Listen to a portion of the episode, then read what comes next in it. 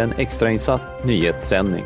Sveriges regering, riksdag, samtliga kommuner och regioner går enhälligt samman och väljer att avskaffa demokratin som statsskick i Sverige till förmån för diktatur. En ny ledare är redan utsedd och vi har namnet. Sveriges diktator, välkommen Daniel Sonesson. Tack så jättemycket, kul att vara här. Du är grabben som växte upp i Göteborg. Du har varit eh, i styrelse på flera stora företag. Du har varit medlem i Moderaterna, du har gått ur där och du har nu nyligt blivit partiledare för Medborgerlig Samling. Ja, det stämmer och jag eh, känner mig jätteödmjuk i de här sakerna som jag tar mig an och det jag gör för medlemmar och jag gör det för mina barn, min familj, jag gör det för Sverige och jag gör det också för entreprenörer, innovatörer, alla hedliga medborgare. Och eh, de här styrelserna jag har varit med i, det är ju också bottnande i min stora passion för att skapa saker tillsammans med andra människor som verkligen tror på andekraften i att duktiga och bra och hedliga människor gör fina, vackra saker tillsammans. Härligt. Vad är det absolut första du gör som diktator i Sverige? Jag stänger den enorma bidragsfesten eh, fullständigt. Vi lägger ner den här cirkusen eh, och jämnar den med marken. Vi ser till att vi tar bort och renodlar offentlig sektor till att bli som det egentligen är och också alltid var menat att bli. En, mm. en medborgarvärdessektor, mm. inte en skatteslöserisektor. Mm. Jag antar att du har något att komplettera min beskrivning av. Kan du beskriva dig själv lite grann, Daniel? Ja, nej men jättetack. Ehm, jag är ju göteborgare från grunden. Jag har kommit till Stockholm 25. Innan det så eh, njöt jag av eh, de fantastiska öarna på västkusten, eller västkusten som jag och många brukar säga. Ehm, har väl funnit eh, kärlek också till Stockholms skärgård efter detta, även om hemma är alltid bäst så att säga. Och eh, utöver alla mina engagemang i diverse bolag och projekt och så, jag är ju en eh, stark tech-nörd kan man säga mm. i grund och botten. Jag proggade när jag var ung. Det visade sig sen att det var inte min främsta förmåga, men däremot att prata med utvecklare och diskutera tech och, och att engagera mig och driva strategi och ledarskap i techföretag. Det visade sig vara mer min förmåga och jag har eh, haft förmånen att jobba på väldigt spännande företag. Jag har varit på Blocket i Schibsted-sfären. Jag har varit på LinkedIn som är världens ledande professionella nätverk och varit VD på SUP46 som är en av Europas främsta startup-hubbar och är idag VD på ett, ehm, ett fintech-företag som heter Quickbit som har en eh, unikitet i att kunna använda blockkedjor och kryptovalutor som en del av betalkedjan och därmed kan man skapa snabba, säkra eh, betalningar på ett tryggt sätt för både konsument och handlare.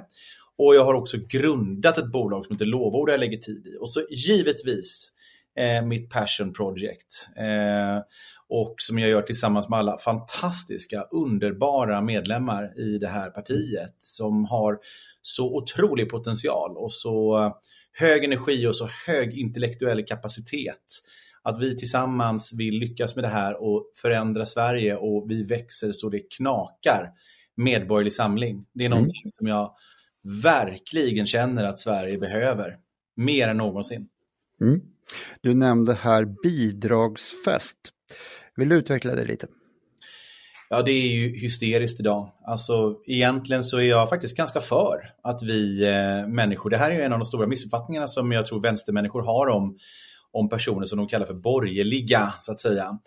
Eh, att vi skulle vara giriga och snåla och inte vilja betala skatt eller, eller gå med på att andra får bidrag. Jag betalar gärna skatt om jag vet att det går till bra ändamål. Om jag mm. vet om att eh, det kommer eh, människor till gagn, om det eh, förser nödvändiga funktioner i samhället med livskraft.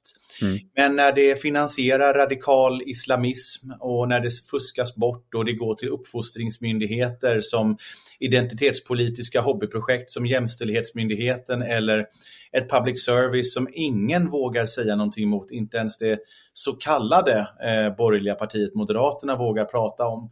Trots att det enligt eh, undersökningar har fällts för gall och aldrig för eh, tann och att de har en klar vänsterlutning i narrativet. Mm. Inte ens då får det kritik. Då förstår man ju att det finns enormt mycket pengar som vi människor har tjänat in som inte går till bra ändamål och då måste vi strypa det. I vilket hushåll som helst, i vilken familj som helst, när man noterar att ens pengar går till dåliga saker, icke värdeskapande saker, eller rent av rinner mellan fingrarna, då skulle alla i det hushållet säga vänta lite, stopp och belägg. Mm. Ska vi verkligen lägga pengar på det här? Nej, det ska vi nog inte. Vi ska nog inte ta fler kostnader eller bråka om att höja intäkterna i familjen. Vi borde nog först och främst se över kostnadssituationen. Och Sverige är där. Vi är på väg rakt in i Lyxfällan. Och vi måste stoppa den här karusellen per omgående. För att intäkterna har definitivt inte ökat i, i ren tillväxt i privat sektor. Kostnaden däremot ökar rejält. Och i takt med att Sverige har en sån enormt alarmerande dålig tillväxtprognos, sämst i EU och har i princip nolltillväxt i antal jobbskapade, eh, skapade jobbtillfällen i privat sektor från 1960-talet fram till 2012 och även efter det har det varit en väldigt liten tillväxt. Men kostnaderna har ökat så enormt. Då kan man ju enkelt konstatera att fortsätter den här utvecklingen så är det enormt destruktivt för Sverige. Det är en ödesfråga för Sverige. Vi måste vända utvecklingen nu eller så hamnar vi alla i Lyxfällan. Mm. Vilken är din modell för att nå det här? Ja, alltså vi måste ju stänga av kostnaderna i offentlig sektor så det står härliga till. Vi behöver ta bort uppfostrande myndigheter. Vi behöver ta bort helt onödiga verksamheter som inte förser medborgarna med medborgarvärde eller medborgarnytta. Som eh, stöd för trossamfund, public service, måste ju reformera Arbetsförmedlingen i grunden. Jämställdhetsmyndigheten är ju det är en uppfostringsmyndighet. Diskrimineringsombudsmannen och så vidare. Listan är så lång. Vi kan hålla på hur länge som helst. Men eh, att, att man, vissa människor pratar om att sänka skatter och det brukar vänstern direkt direkt säga oj, eh, vad girig och hemsk du är. Du vill ju skapa sämre välfärd. Men nej, det är ju inte det det handlar om. Det här handlar ju om att ta bort kostnaderna för att säkerställa att människor får mer pengar så att man kan styra sin konsumtion själv och säkerställa att de nödvändiga funktionerna får mer pengar istället så att de får det de behöver för att kunna förse den service som människor eh, förväntar sig, rättmätigt förväntar sig för sina skattepengar istället för att politiker av ideologiska skäl ska sitta och öka kostnaderna för människor. Så det här är, det är bara några exempel på saker man kan och borde göra. Mm. Du menar alltså att din politik är bättre för låginkomsttagarna än eh, kanske dina konkurrenters? Ja, definitivt skulle jag säga. Det som är det farliga i en snurra att hamna i, det är ju att man inte kan påverka sitt liv själv eller kunna byta jobb eller klättra uppåt på en stege beroende på vad man nu vill göra för någonting. Eh, och det är också väldigt, väldigt dåligt att man som låginkomsttagare har ännu mindre pengar i plånboken. Eh, det som man brukar hävda från vänsterhåll är att ja, men de här personerna behöver ju nödvändig välfärd. Och det är intressant. Ja, Människor behöver eh, sjukvård, människor vill kunna åldras tryggt, äldrevårdsomsorg, man vill kunna Eh, har fungerande skolsystem. Och, och se till att det inte skjuts utanför skolorna. Och det ska inte vara en klassfråga att ha det. Men det blir ju en klassfråga om det nu är så att man har så höga skatter att människor med mycket kapital tröttnar på det och flyttar sitt kapital utomlands. Det ger ju en fruktansvärt negativ effekt. Att säkerställa att människor tar del av samhällsbygget är ju att skapa förutsättningar för att människor vill ha sitt kapital i Sverige. Och där slår ju de höga skatterna enormt fel. Därför måste vi säkerställa att Sverige är ett attraktivt land att bo i, att leva i, att betala skatt i, bidra till välfärden i och det är också det, i synnerhet då det här jobbskap som bygger välstånd. Och välstånd är ju det viktigaste av allt. Det är välståndet som spelar, spelar roll. Och på det skulle jag vilja säga, låginkomsttagare är delaktiga i samhällsbygget precis som alla andra och kommer att må bra av att andelen arbetslösa blir mindre, att kostnaderna blir lägre och att de själva kan styra sin konsumtion så bra som möjligt som de kan. Mm. Men vad händer då med de människor som kanske inte kan hålla i sina pengar själva? Ja, men det är klart att det finns människor som inte kan hålla sina pengar själva, men de personerna lider ju av det idag oavsett vad.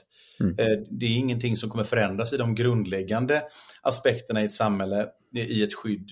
Men sen är det såklart också så här att i samhället idag så krävs det ju att människor tar ansvar. Det gör det ju. Så kommer ju alla samhällen alltid att vara. Det ser man ju även i, i de system som har mer auktoritära eh, statsskick så ser man ju att eh, om du inte tar ansvar för dig själv så går det illa. Mm. Det är tråkigt. För mig personligen så är det drömvärlden är ju att alla människor mår bra och har tak över huvudet och äter gott. Tyvärr så finns det människor som drabbas av, av diverse problematik och de hamnar utan bostad och hamnar i missbruk eller vad det nu må vara för någonting. Väldigt, väldigt tragiskt. Mm. Tragiska människoöden. Eh, för idealet är ju att vi blir av med det. Men det som vi noterat är att du behöver stödja och säkerställa att människor inte hamnar i det. Men samtidigt måste du bygga ett hållbart och starkt samhälle där människor som är idoga belönas för detta. Inte smutskastas eller skampåle befläckas eller, eller på något sätt jantelags eh, harmoniseras. Och, och så. Det är farligt. För att i grund och botten så behöver mer kapital komma in i samhället. Eh, i grund och botten behöver människor med kapital känna att de kan och vågar och vill satsa mer av sitt kapital i samhället. Istället för att människor ska vara brydda kring hur många verksamheter de har och hur mycket utdelning de fick så borde fokus vara på många jobb de skapar. Mm. För det är ju det som gör och skapar möjligheter för alla deltagare i samhället. Och det mm. gynnas ju alla av. Och därför är de incitamenten så viktiga. Mm. Ja, och sen den andra punkten som är extremt viktig då. Nu fick jag ju lyxen av dig här nu att eh, som eh, partiledare kunna nämna mer än en punkt. Så jag mm. tackar mm. bockar och bugar. Och i det här så när man har skalat bort kostnaderna i samhället så måste vi också göra Sverige till ett världsklassland för entreprenörer och, och skapare eh, rent överlag. Det är mm. helt avgörande. Som jag nämnde tidigare har ju Sverige haft en nästan nolltillväxt i jobb i privat sektor mellan 1960 till 2012 och väldigt liten därefter också. Det här är ju jätteallvarligt för svensk ekonomi. Eh, det är bara att jämföra med en, en vanlig familj och ett hushåll. Eh, och, hur skulle det kännas om man knappt ökar i lönenivå i den familjen på på 15, 20, 30 år men kostnaderna ökar med 40-50 procent. Det är mm. ganska självklart att det till syvende och sist så håller inte det. Ehm, sen kan man alltid göra analyser att intäkterna ökar per capita och så vidare. Det kan man diskutera. Men i slutändan så måste man förstå vad det innebär att Sverige har de sjätte högsta skatterna i världen och ändå presterar så dåligt på område efter område kring kriminalitet, radikalisering, tillväxtprognoser, arbetslöshet och så vidare. Mm. Det är ju väldigt, väldigt allvarsamt. Och de som löser den här biffen, det är ju vanliga människor.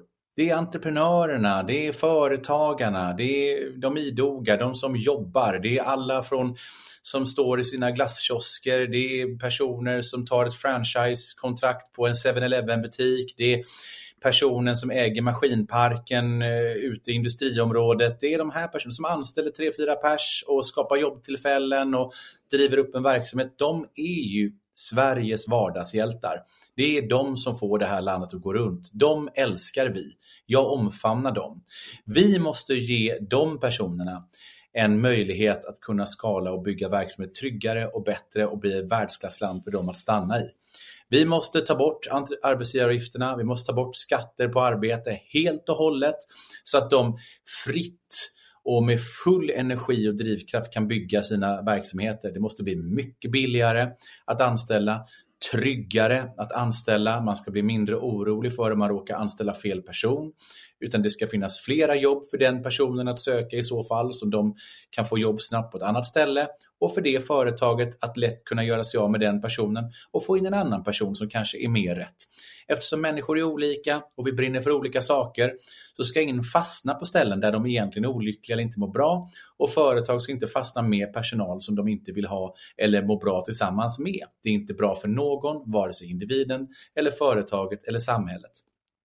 Vi behöver skapa allt det här, sänka bolagsskatter och givetvis det här med tryggheten och kriminaliteten som nu eh, flor, alltså verkligen är helt hysteriskt. Vi, det måste vi göra någonting åt. Tryggheten och den, den eskalerande kriminaliteten är jätteallvarligt för, för näringslivet. Eh, många företag, eh, skulle jag säga, i takt med att Sverige har, är så dyrt att skala upp i, har ju egentligen sett som enkom fördel med Sverige, det är att vi har en hög trygghet och låg korruption och det har liksom varit någon av de främsta då säljargumenten för varför man ska välja att vara i Sverige. Mm. Trots att det är så, eh, att det är så dyrt. Men nu när vi ser att eh, tryggheten eh, reduceras så dramatiskt, så snabbt och att det blir så osäkert i Sverige och man ser antisemitismen sprida sig och judar har ju länge uttryckt eh, i Sverige att de inte känner sig lika trygga i Sverige längre och vissa har flytt Sverige till och med till andra länder och att det här inte pratas om det är ju en skämskudde utav dess like. Eh, faktiskt. Va? Men, men det, det, är ett helt ämne i sig. Eh, tragiskt, fruktansvärt, men, men ändå. Men vi måste ju säkra det. Tryggheten är en grundfundamental pelare i Sverige för att företag ska framåt vilja etablera sig i Sverige, internationella jättar komma hit och skapa jobb och också dra med sig jätteattraktiv, intressant och utbildad men också kunnig arbetskraft som vill vara med och bidra till, eh, till Sveriges välstånd till syvende och sist. Vi måste sänka kapitalskatter, det måste vara billigt att investera. Eh, riskkapitalister från Tyskland och England och och Spanien och USA ska inte komma lockandes till svenska eh, nya techföretag och säga hej jag vill investera i dig men jag gör det först om du sticker till London eller Berlin. Mm. Då investerar jag i dig för att då får jag mycket mer för mina pengar. För att i Sverige måste jag skatta bort så mycket.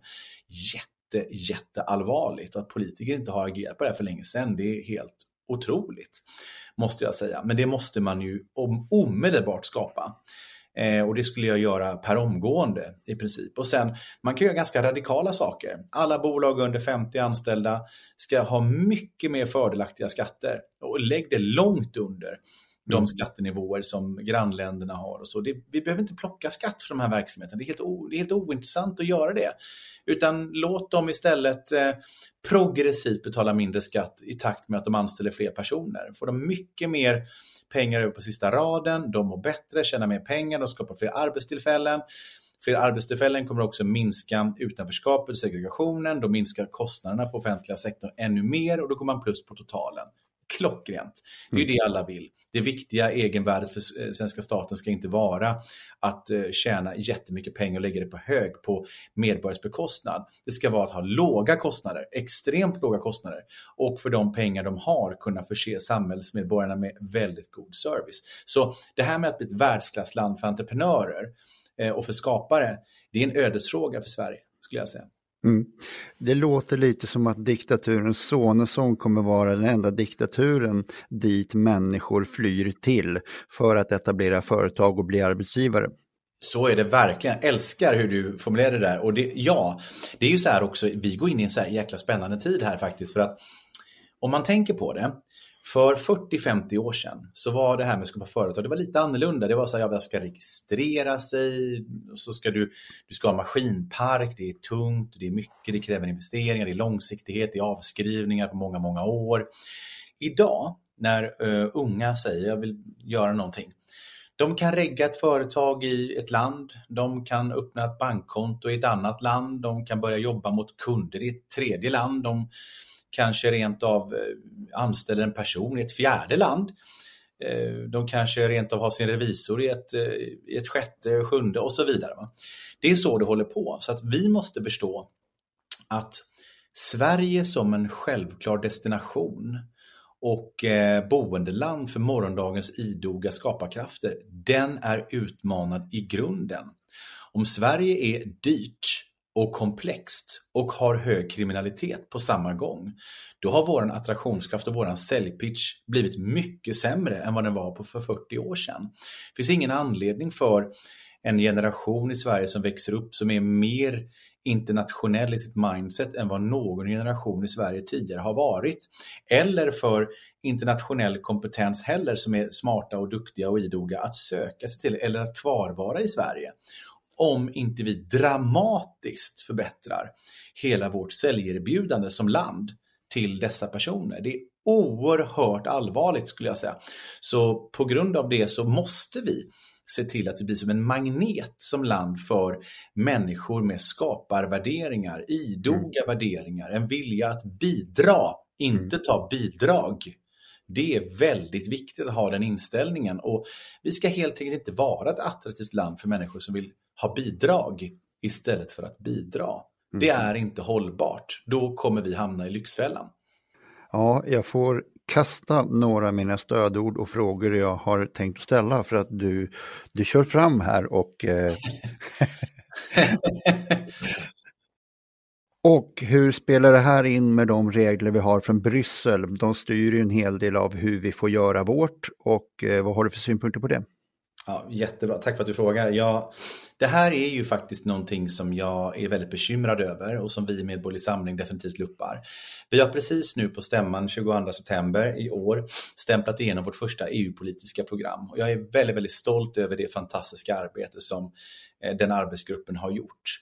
Vi, är ju, eh, vi, vi tar ju verkligen ställning som en borgerlig högerurkraft som menar på att vi måste ha mer egenbestämmande tillbaks till Sverige. Det krångliga ordet för det här kallas för subsidiaritetsprincipen.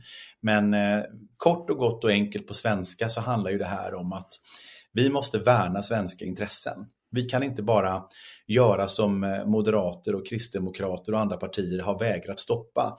Eh, skuldsätta svenska folket och skicka ut 150 miljarder av svenska skattebetalares pengar rakt ut till EU för coronafond som mm. sen mycket av pengarna har visat sig inte ens ha gått till eh, covid-19-stöd utan har handlat om restaurering av våtmarker och strandpromenader i Aten. Det är helt bisarrt.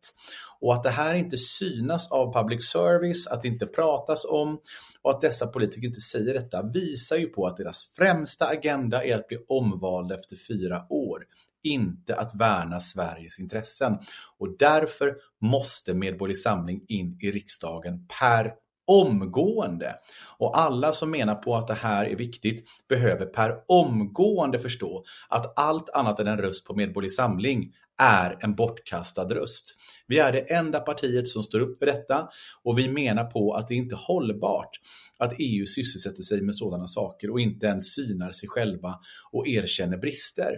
Och Vi ser andra skrämmande saker hända på EU-plan som chat control exempelvis. Vi ser att ett, projekt som är att klassa som ett rent Stasi-övervakningssamhälle Eh, som man vill alltså läsa av sina barn, alltså människors eh, och barns meddelandetjänster. Det är ett auktoritärt och totalitärt samhälle och ett parti som inte tar ställning mot det är inte frihetligt. De är inte borgerliga. Det är en skämskudde utav dess like. Jag skäms å alla partiers vägnar som inte tagit ställning mot det här. Vi i Medborgerlig Samling, vi värnar människors integritet. Mm. Jag skulle aldrig läsa min dotters dagbok. Det är inte för mina ögon. Jag skulle aldrig göra det. Och det innebär idag, dagens moderna generation, att man inte läser deras Snapchats, eller deras messages, eller sms, eller deras TikToks. För det är där de har sina dagböcker. De som vill läsa det, de har inte frihetligheten som agenda. Och det här måste man förstå att det är vad som händer på Europanivå idag. Och då finns det människor som säger jag bryr mig inte om EU, jag är inte så insatt i EU och EU är inte riktigt min grej. Men det man måste förstå då är att vi står under direkt påverkan av EU. Ungefär 67 70% av svensk lagstiftning ligger i direkt inverkan från EU. Så om man då inte bryr sig om EU, då säger man att 70% av besluten som fattas i Sverige bryr jag mig inte om. Då, där har vi det. Varför man måste bry sig om EU. Det här är någonting jag verkligen värnar. Jag är för eh, frihandel. Jag är för en organisation och internationellt samarbete för fred. Jag är för eh, en, eh, en, eh, ett internationellt samarbete. Men jag är mot att det här ska bli en överrock på överrocken. En extra kostsam byråkrati som har gått om våra friheter för våra egna pengar. Mm. Det här har ju EU i och för sig då lanserat som en trygghet för barn i och med att man ska fånga pedofiler på det här sättet. Men det här handlar ju också om trygghet för dem och jag vet inte om du själv har någon, någon koppling på det, att, att det är ett förklätt monster som man, man försöker göra för en god sak. Ja men alltså det är klart att många fruktansvärda ting kommer ur goda intentioner. Eh, och jag har stor respekt för att människor fångar pedofiler. Jag tycker personligen pedofili är bland de värsta, kanske det värsta brottet som, som finns. Eh, av många fruktansvärda brott. Men eh, men jag skulle säga så här att, och jag har ju varit vd vid ett tillfälle för ett bolag som sysslade med att eh, hämta och varna människor att deras data blivit stulen och befann sig på nätet på olika sätt. Och då är det ju som så här då att jag råkar ju veta eh, for a fact att Eh, pedofili och pedofiler och deras fildelningar och, och, så vidare gömmer inte sig på öppna eh, meddelandetjänster. Mm. Utan eh, det som händer är ju att den här informationen och datafiler och så hanteras ju på dark web och deep web, alltså dolda och kodade, chiffrerade delar utav internet som inte är tillgängliga för den allmänna publiken på det öppna internet. Och att då lägga in eh, den här typen av övervakning på meddelandetjänster, det är ju det är som att jaga myggor med atombomber. Det är oerhört obegåvat. Det är rent av okunnigt skulle jag säga. Det är människor som inte kan saker. Eh, och dessutom så har det visat sig att Ylva Johansson, hon eh, har ju blivit ertappad nu med surprise, surprise, så har ju hon då haft eh, lobbying runt sig där organisationer som ska utveckla den här typen av tjänster då står och påverkar henne rätt hårt. Och det var ju inte så oväntat kanske. Eh, så, och det där kan man ju alltid tycka olika saker om. Men till syvende och sist så skulle jag säga så här, det, det går inte att eh, införa någonting sånt som chatkontroll. Det är odemokratiskt, det är mm. totalitärt och det är auktoritärt och vi kan helt enkelt inte gå med på det. Eh, så det här behöver helt enkelt riksdagen förstå och gör de inte det så kommer de bittert få sona det därför att jag tror att gemene man förstår inte riktigt vad som händer men de vill inte ha EU i sina barns meddelandetjänster. Det är ingen som vill ha det egentligen. Tyskland eh, har ju skapat sig en enorm opinion mot detta nu. Och eh, det är så sorgligt att det går så långsamt i Sverige för människor att förstå vad som är i görningen. Eh, men det här borde verkligen man alla vi man och kvinnor borde gå ur huset mm. så att säga och skandera att det här är inte okej. Okay. Mm är som sagt, förklätt. Nej, men det var väl lite det jag sa där, att man, man försöker sälja in en sak som något annat. Mm. Ja, men exakt så. Men jag tror så här också, det här i de här tiderna vi är i nu, vi ser en ökad radikalisering, vi ser ökad terroristutbredning och och så Det ligger liksom i tiden att komma med förslag som ska öka människors trygghet. Och jag värnar människors trygghet. För mig är det mm. jätteviktigt att människor är trygga. Och ja, vi behöver ta mycket tuffare tag. Det råder ingen tvekan om det. Men man måste ju rikta dem mot de kriminella. Man kan ju inte göra eh, insatser som inte kommer träffa de kriminella. Det är ju helt bisarrt. Eh, då kan man lika gärna börja köra stridsvagnar på min gata utanför mitt hus här och skjuta lite random mot olika byggnader och säga men vi värnar tryggheten. Ja, mm. men det, det, är inte här de hänger, liksom. ni skärp er. Alltså, i, I alla insatser och i all kommunikation och, och projekt och, och ingrepp och reformer så måste man ju titta på riktningen och vem slår det här mot. Och, och chat control slår ju då inte egentligen då överhuvudtaget mot eh, någon riktig kriminell, skulle jag vilja hävda. Det kommer bli väldigt, väldigt svårt för dem att, att hävda upp det.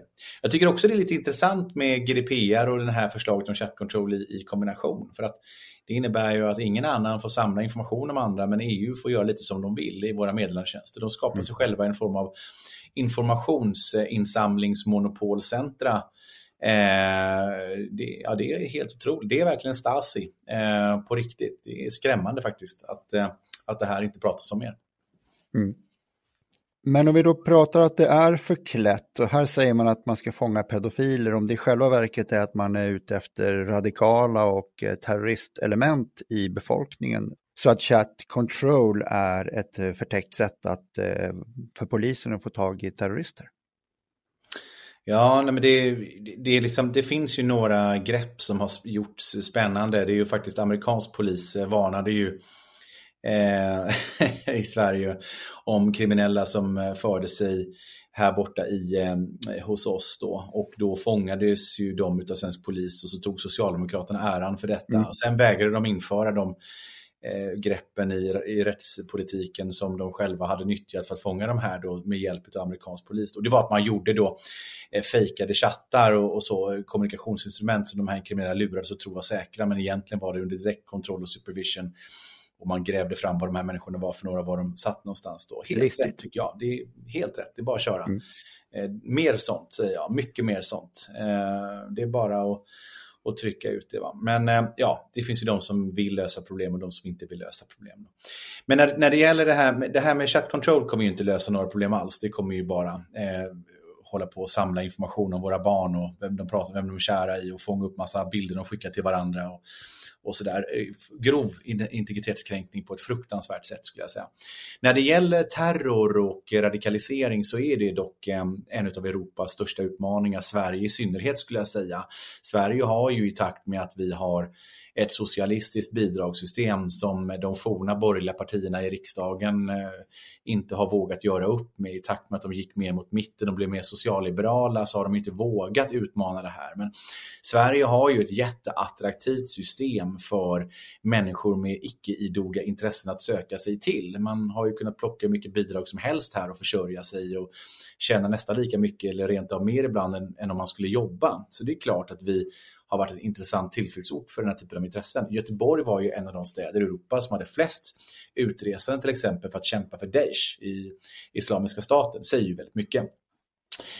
Men eh, överlag så behöver vi göra ganska drastiska grepp här egentligen. Vi behöver göra en hel del avgränsningar i, eh, i radikaliseringen. Vi måste ju se till att skattemedel inte kan finansiera religiösa rörelser som kopplas till extremism på något sätt. Det får inte vara någon koppling till något som har med saudiska eller Qatar eller, eller salafistiska rörelser överhuvudtaget alls. Eh, radikala imamer och predikanter som har väldigt extrema åsikter ska ju nekas inresetillstånd till Sverige överhuvudtaget. Mm. Menar jag på. Vi hade behövt ha mycket hårdare grepp kring IS-återvändarna, tveklöst.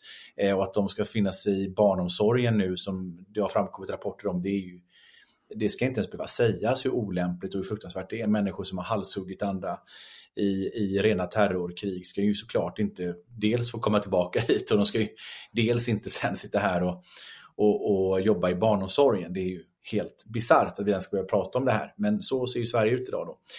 Eh, vi måste ha mycket tuffare straff. Eh, vi behöver ju låsa in människor betydligt längre och vi behöver säkerställa att de är, borta från gator och torg så att människor kan känna sig fria och, och inte lika rädda för att de här eh, personerna kommer ut på gator och torg och kan hota deras trygghet. Det är ju viktigt då. Eh, och givetvis människor som stämplas som hot mot rikets säkerhet och Säpo, de måste ju ut per omgående. Vi kan ju inte ha kvar sådana personer i landet. Eh, att de har en hotbild mot sig i andra länder, det förverkas och går inte över i viktighet och prioritering utöver det faktum att de är ett hot mot svenska medborgare här. Svenska medborgares säkerhet, trygghet och intressen måste gå före deras individuella säkerhet och intresse om de har kommit hit och begår extrem verksamhet här. För mig, det, det är en självklarhet för med mm. Eh, och för mig. Eh, så, så tydligt måste det vara. Och sen så behöver vi nog vara väldigt krassa också i hur migrationen och invandringen till Sverige ska se ut framåt. Vi kan inte ha en hög migration till Sverige och ha människor med bristande eller rent av inga färdigheter alls som, som går att använda på svensk arbetsmarknad. Vi kommer behöva se till att Sverige har en hög eh, vilja till att bidra till samhället i hela befolkningen som befinner sig här. Eh, och Det handlar inte om var man kommer ifrån. Det handlar om värderingen och inställningen att vilja ta del av gemenskapen, att vara en del av den och att bidra till den. Och att omfamna demokratiska eh, värderingar och eh, svensk, eh, svenska demokratiska värderingar i synnerhet och i slutändan. Eh, och Vi måste vara jättetydliga med att eh, sharia-lagar och sånt hör inte hemma här. Och blir man påkommen med det så behöver man ju lämna landet per omgående. Eh, mm. Vi måste vara jättetuffa när det gäller sådana saker. Så vi behöver ju göra en, en, en massiv integrations slash assimilationsreform egentligen. Där människor verkligen får chansen att bli en del av det här. Och för mig är det här en, en, ett kärleksbudskap. Det handlar inte om eh, exkludering. Det är snarare den största och finaste inkludering man kan göra. Eh, I slutändan så är det ju så i, i alla grupperingar, gemenskaper, samhällen att människor kommer till någonting, vill bli en del av någonting och, och där ska man givetvis få komma med sina unika intryck men du måste ändå skriva under på några av de viktiga fundamenta som gäller för den föreningen och det samhället för att det ska fungera. Ja. Men, men eh, jag, jag, jag tänker så här, jag älskar ju människor. och jag tror ju på människor. Min, min, grundinställning är att jag vill och jag tror gott om, om människor. Men Sverige har gått för långt i att vara naiv i att, att inte vilja ta reda på eh, och inse vissa fakta och sanningar. Jag, jag var väldigt orolig redan 2011-2012 Eh, och 2013, 14, 15 där någonstans så reagerade jag väldigt negativt och började skriva mer och engagerade mig och, och nämnde det att vi behöver vara väldigt tydliga och ärliga med att vi kan inte marknadsföra oss som ett bra till eh, liksom destinationsland för människor som egentligen vill leva på bidrag. Vi, vi kan inte göra det. Vi kan inte öka bidragsandelen i Sverige. Vi måste öka bidra-andelen i Sverige.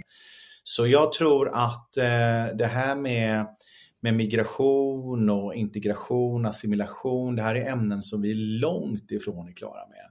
Utan det här är någonting som vi måste genuint lägga krafttag på kommande år. Det kommer ta 10, 15, 20 år innan vi kan vända det här som Moderaterna och Miljöpartiet och som sen initierade och som sen Socialdemokraterna och Miljöpartiet och och Centern eh, har fört vidare och förvaltat och utvecklat till nästa nivå och vägrat ålderstester och kallat alla rasister och sådär. Mm. Så stort tack Annie Lööf och, och, gänget för det här arvet ni har gett oss. Det är ju beklagligt och faktum är ju det som besvärar mig och det som bekymrar mig och borde bekymra alla intellektuella hederliga människor är ju att det här har ju drabbat hederliga invandrare mest av allt. Eh, vänstern tror ju att de är godhetens riddare som sitter och pratar om att alla som har kritik är rasister, när egentligen är det de som har ökat otryggheten med sin politik, som gjort människor rädda, nervösa och oroliga.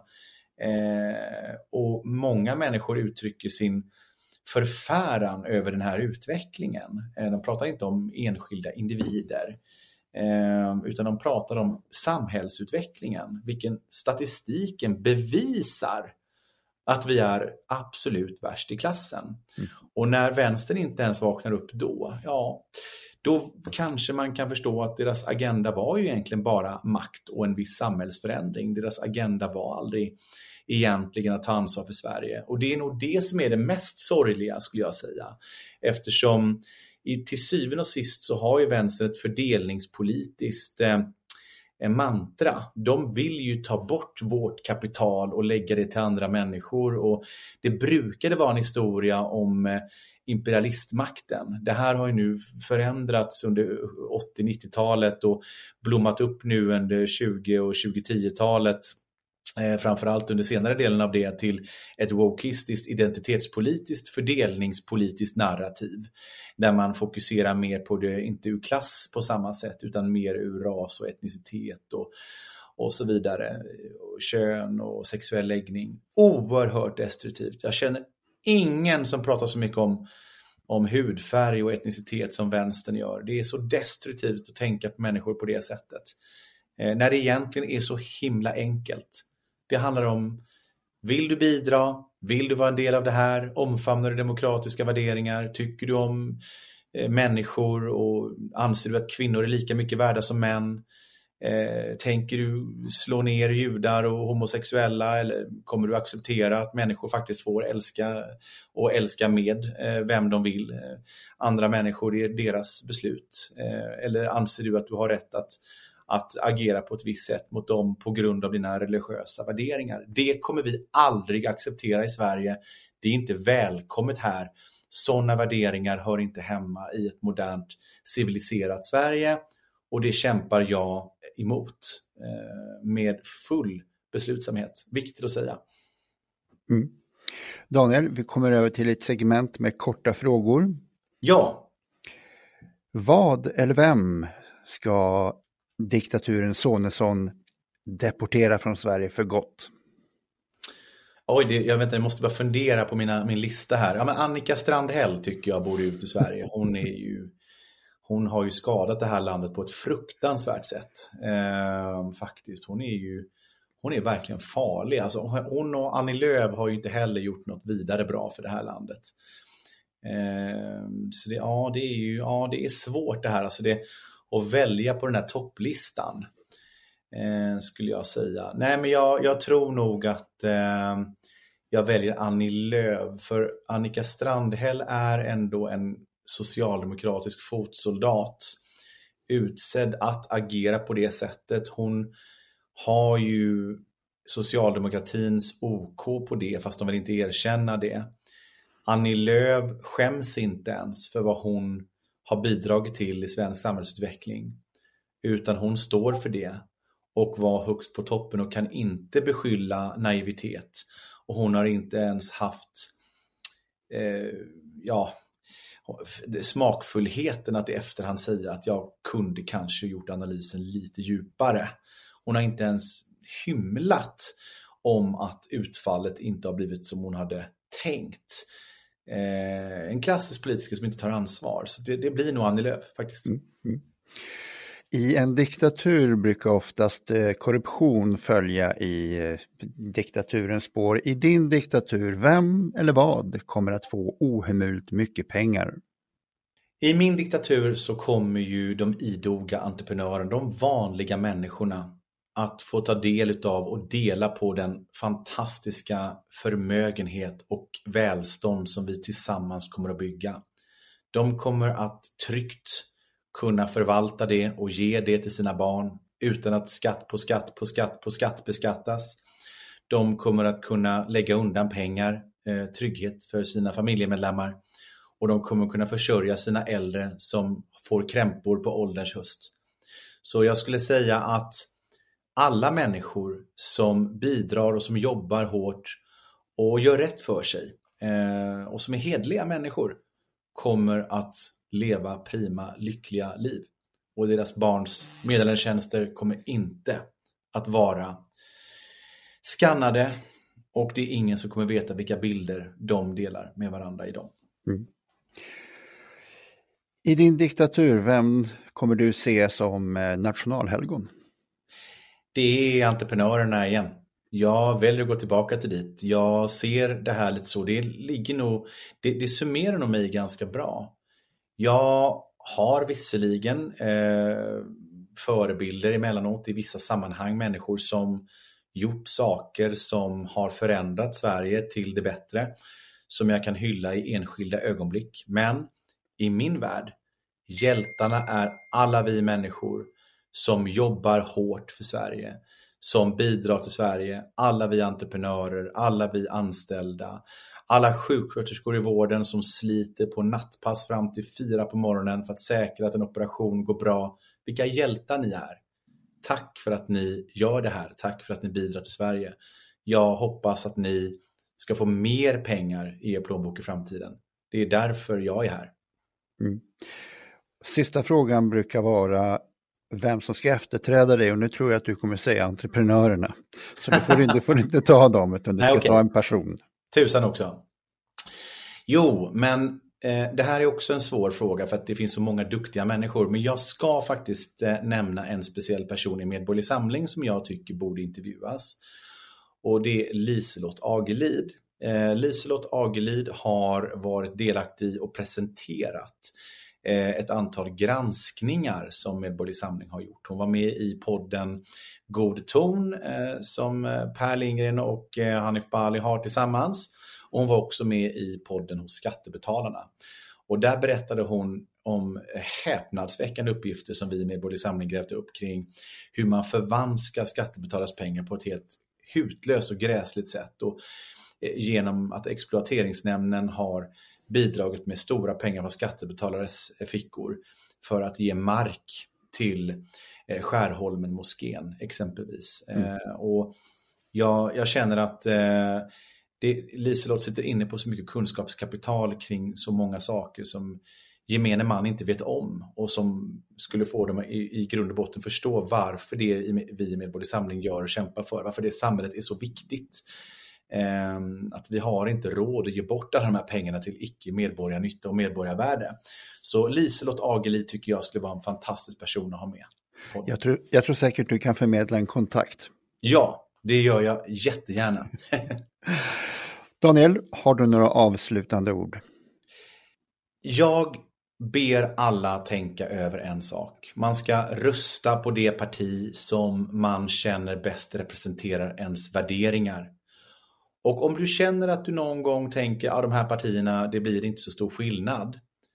Men det är bäst att jag röstar på dem för de andra är lite sämre. Då undrar jag, ställ dig själv frågan, tror du någonsin att Sverige kommer att ändra sig? Tror du någonsin att du kommer skicka en signal till de partierna att det spelar roll vilken politik de för? Och om du landar in i att det kanske inte är en positiv signal, då behöver man nog fundera på vad man ska rösta på. Rösta på det som du tror bygger ett hållbart och sunt Sverige. Och tror du på att den rösten är på ett parti som på riktigt vill göra upp med skatteslöseri, bidragsfusk och ta ner kostnaden i offentlig sektor och skapa en hållbar kraft i näringslivet där människor behöver bidra och som kommer skapa ett nytt välstånd i Sverige. Då tror ju du på riktig högerpolitik och då ska man rösta på högerpolitik. Det finns ett högerparti i Sverige. Det är Medborgerlig Samling. Daniel, det har varit jättetrevligt att ha dig som diktator. Tack så jättemycket. Superkul att vara här. Ett stort tack och hej! Tack så jättemycket. Ha det bra. Hej!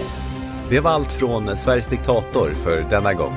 Om du gillar podden är vi glada för all delning, alla gilla och varje tips till dina vänner om att podden finns. Du hittar oss också på sverigesdiktator.se. Tack!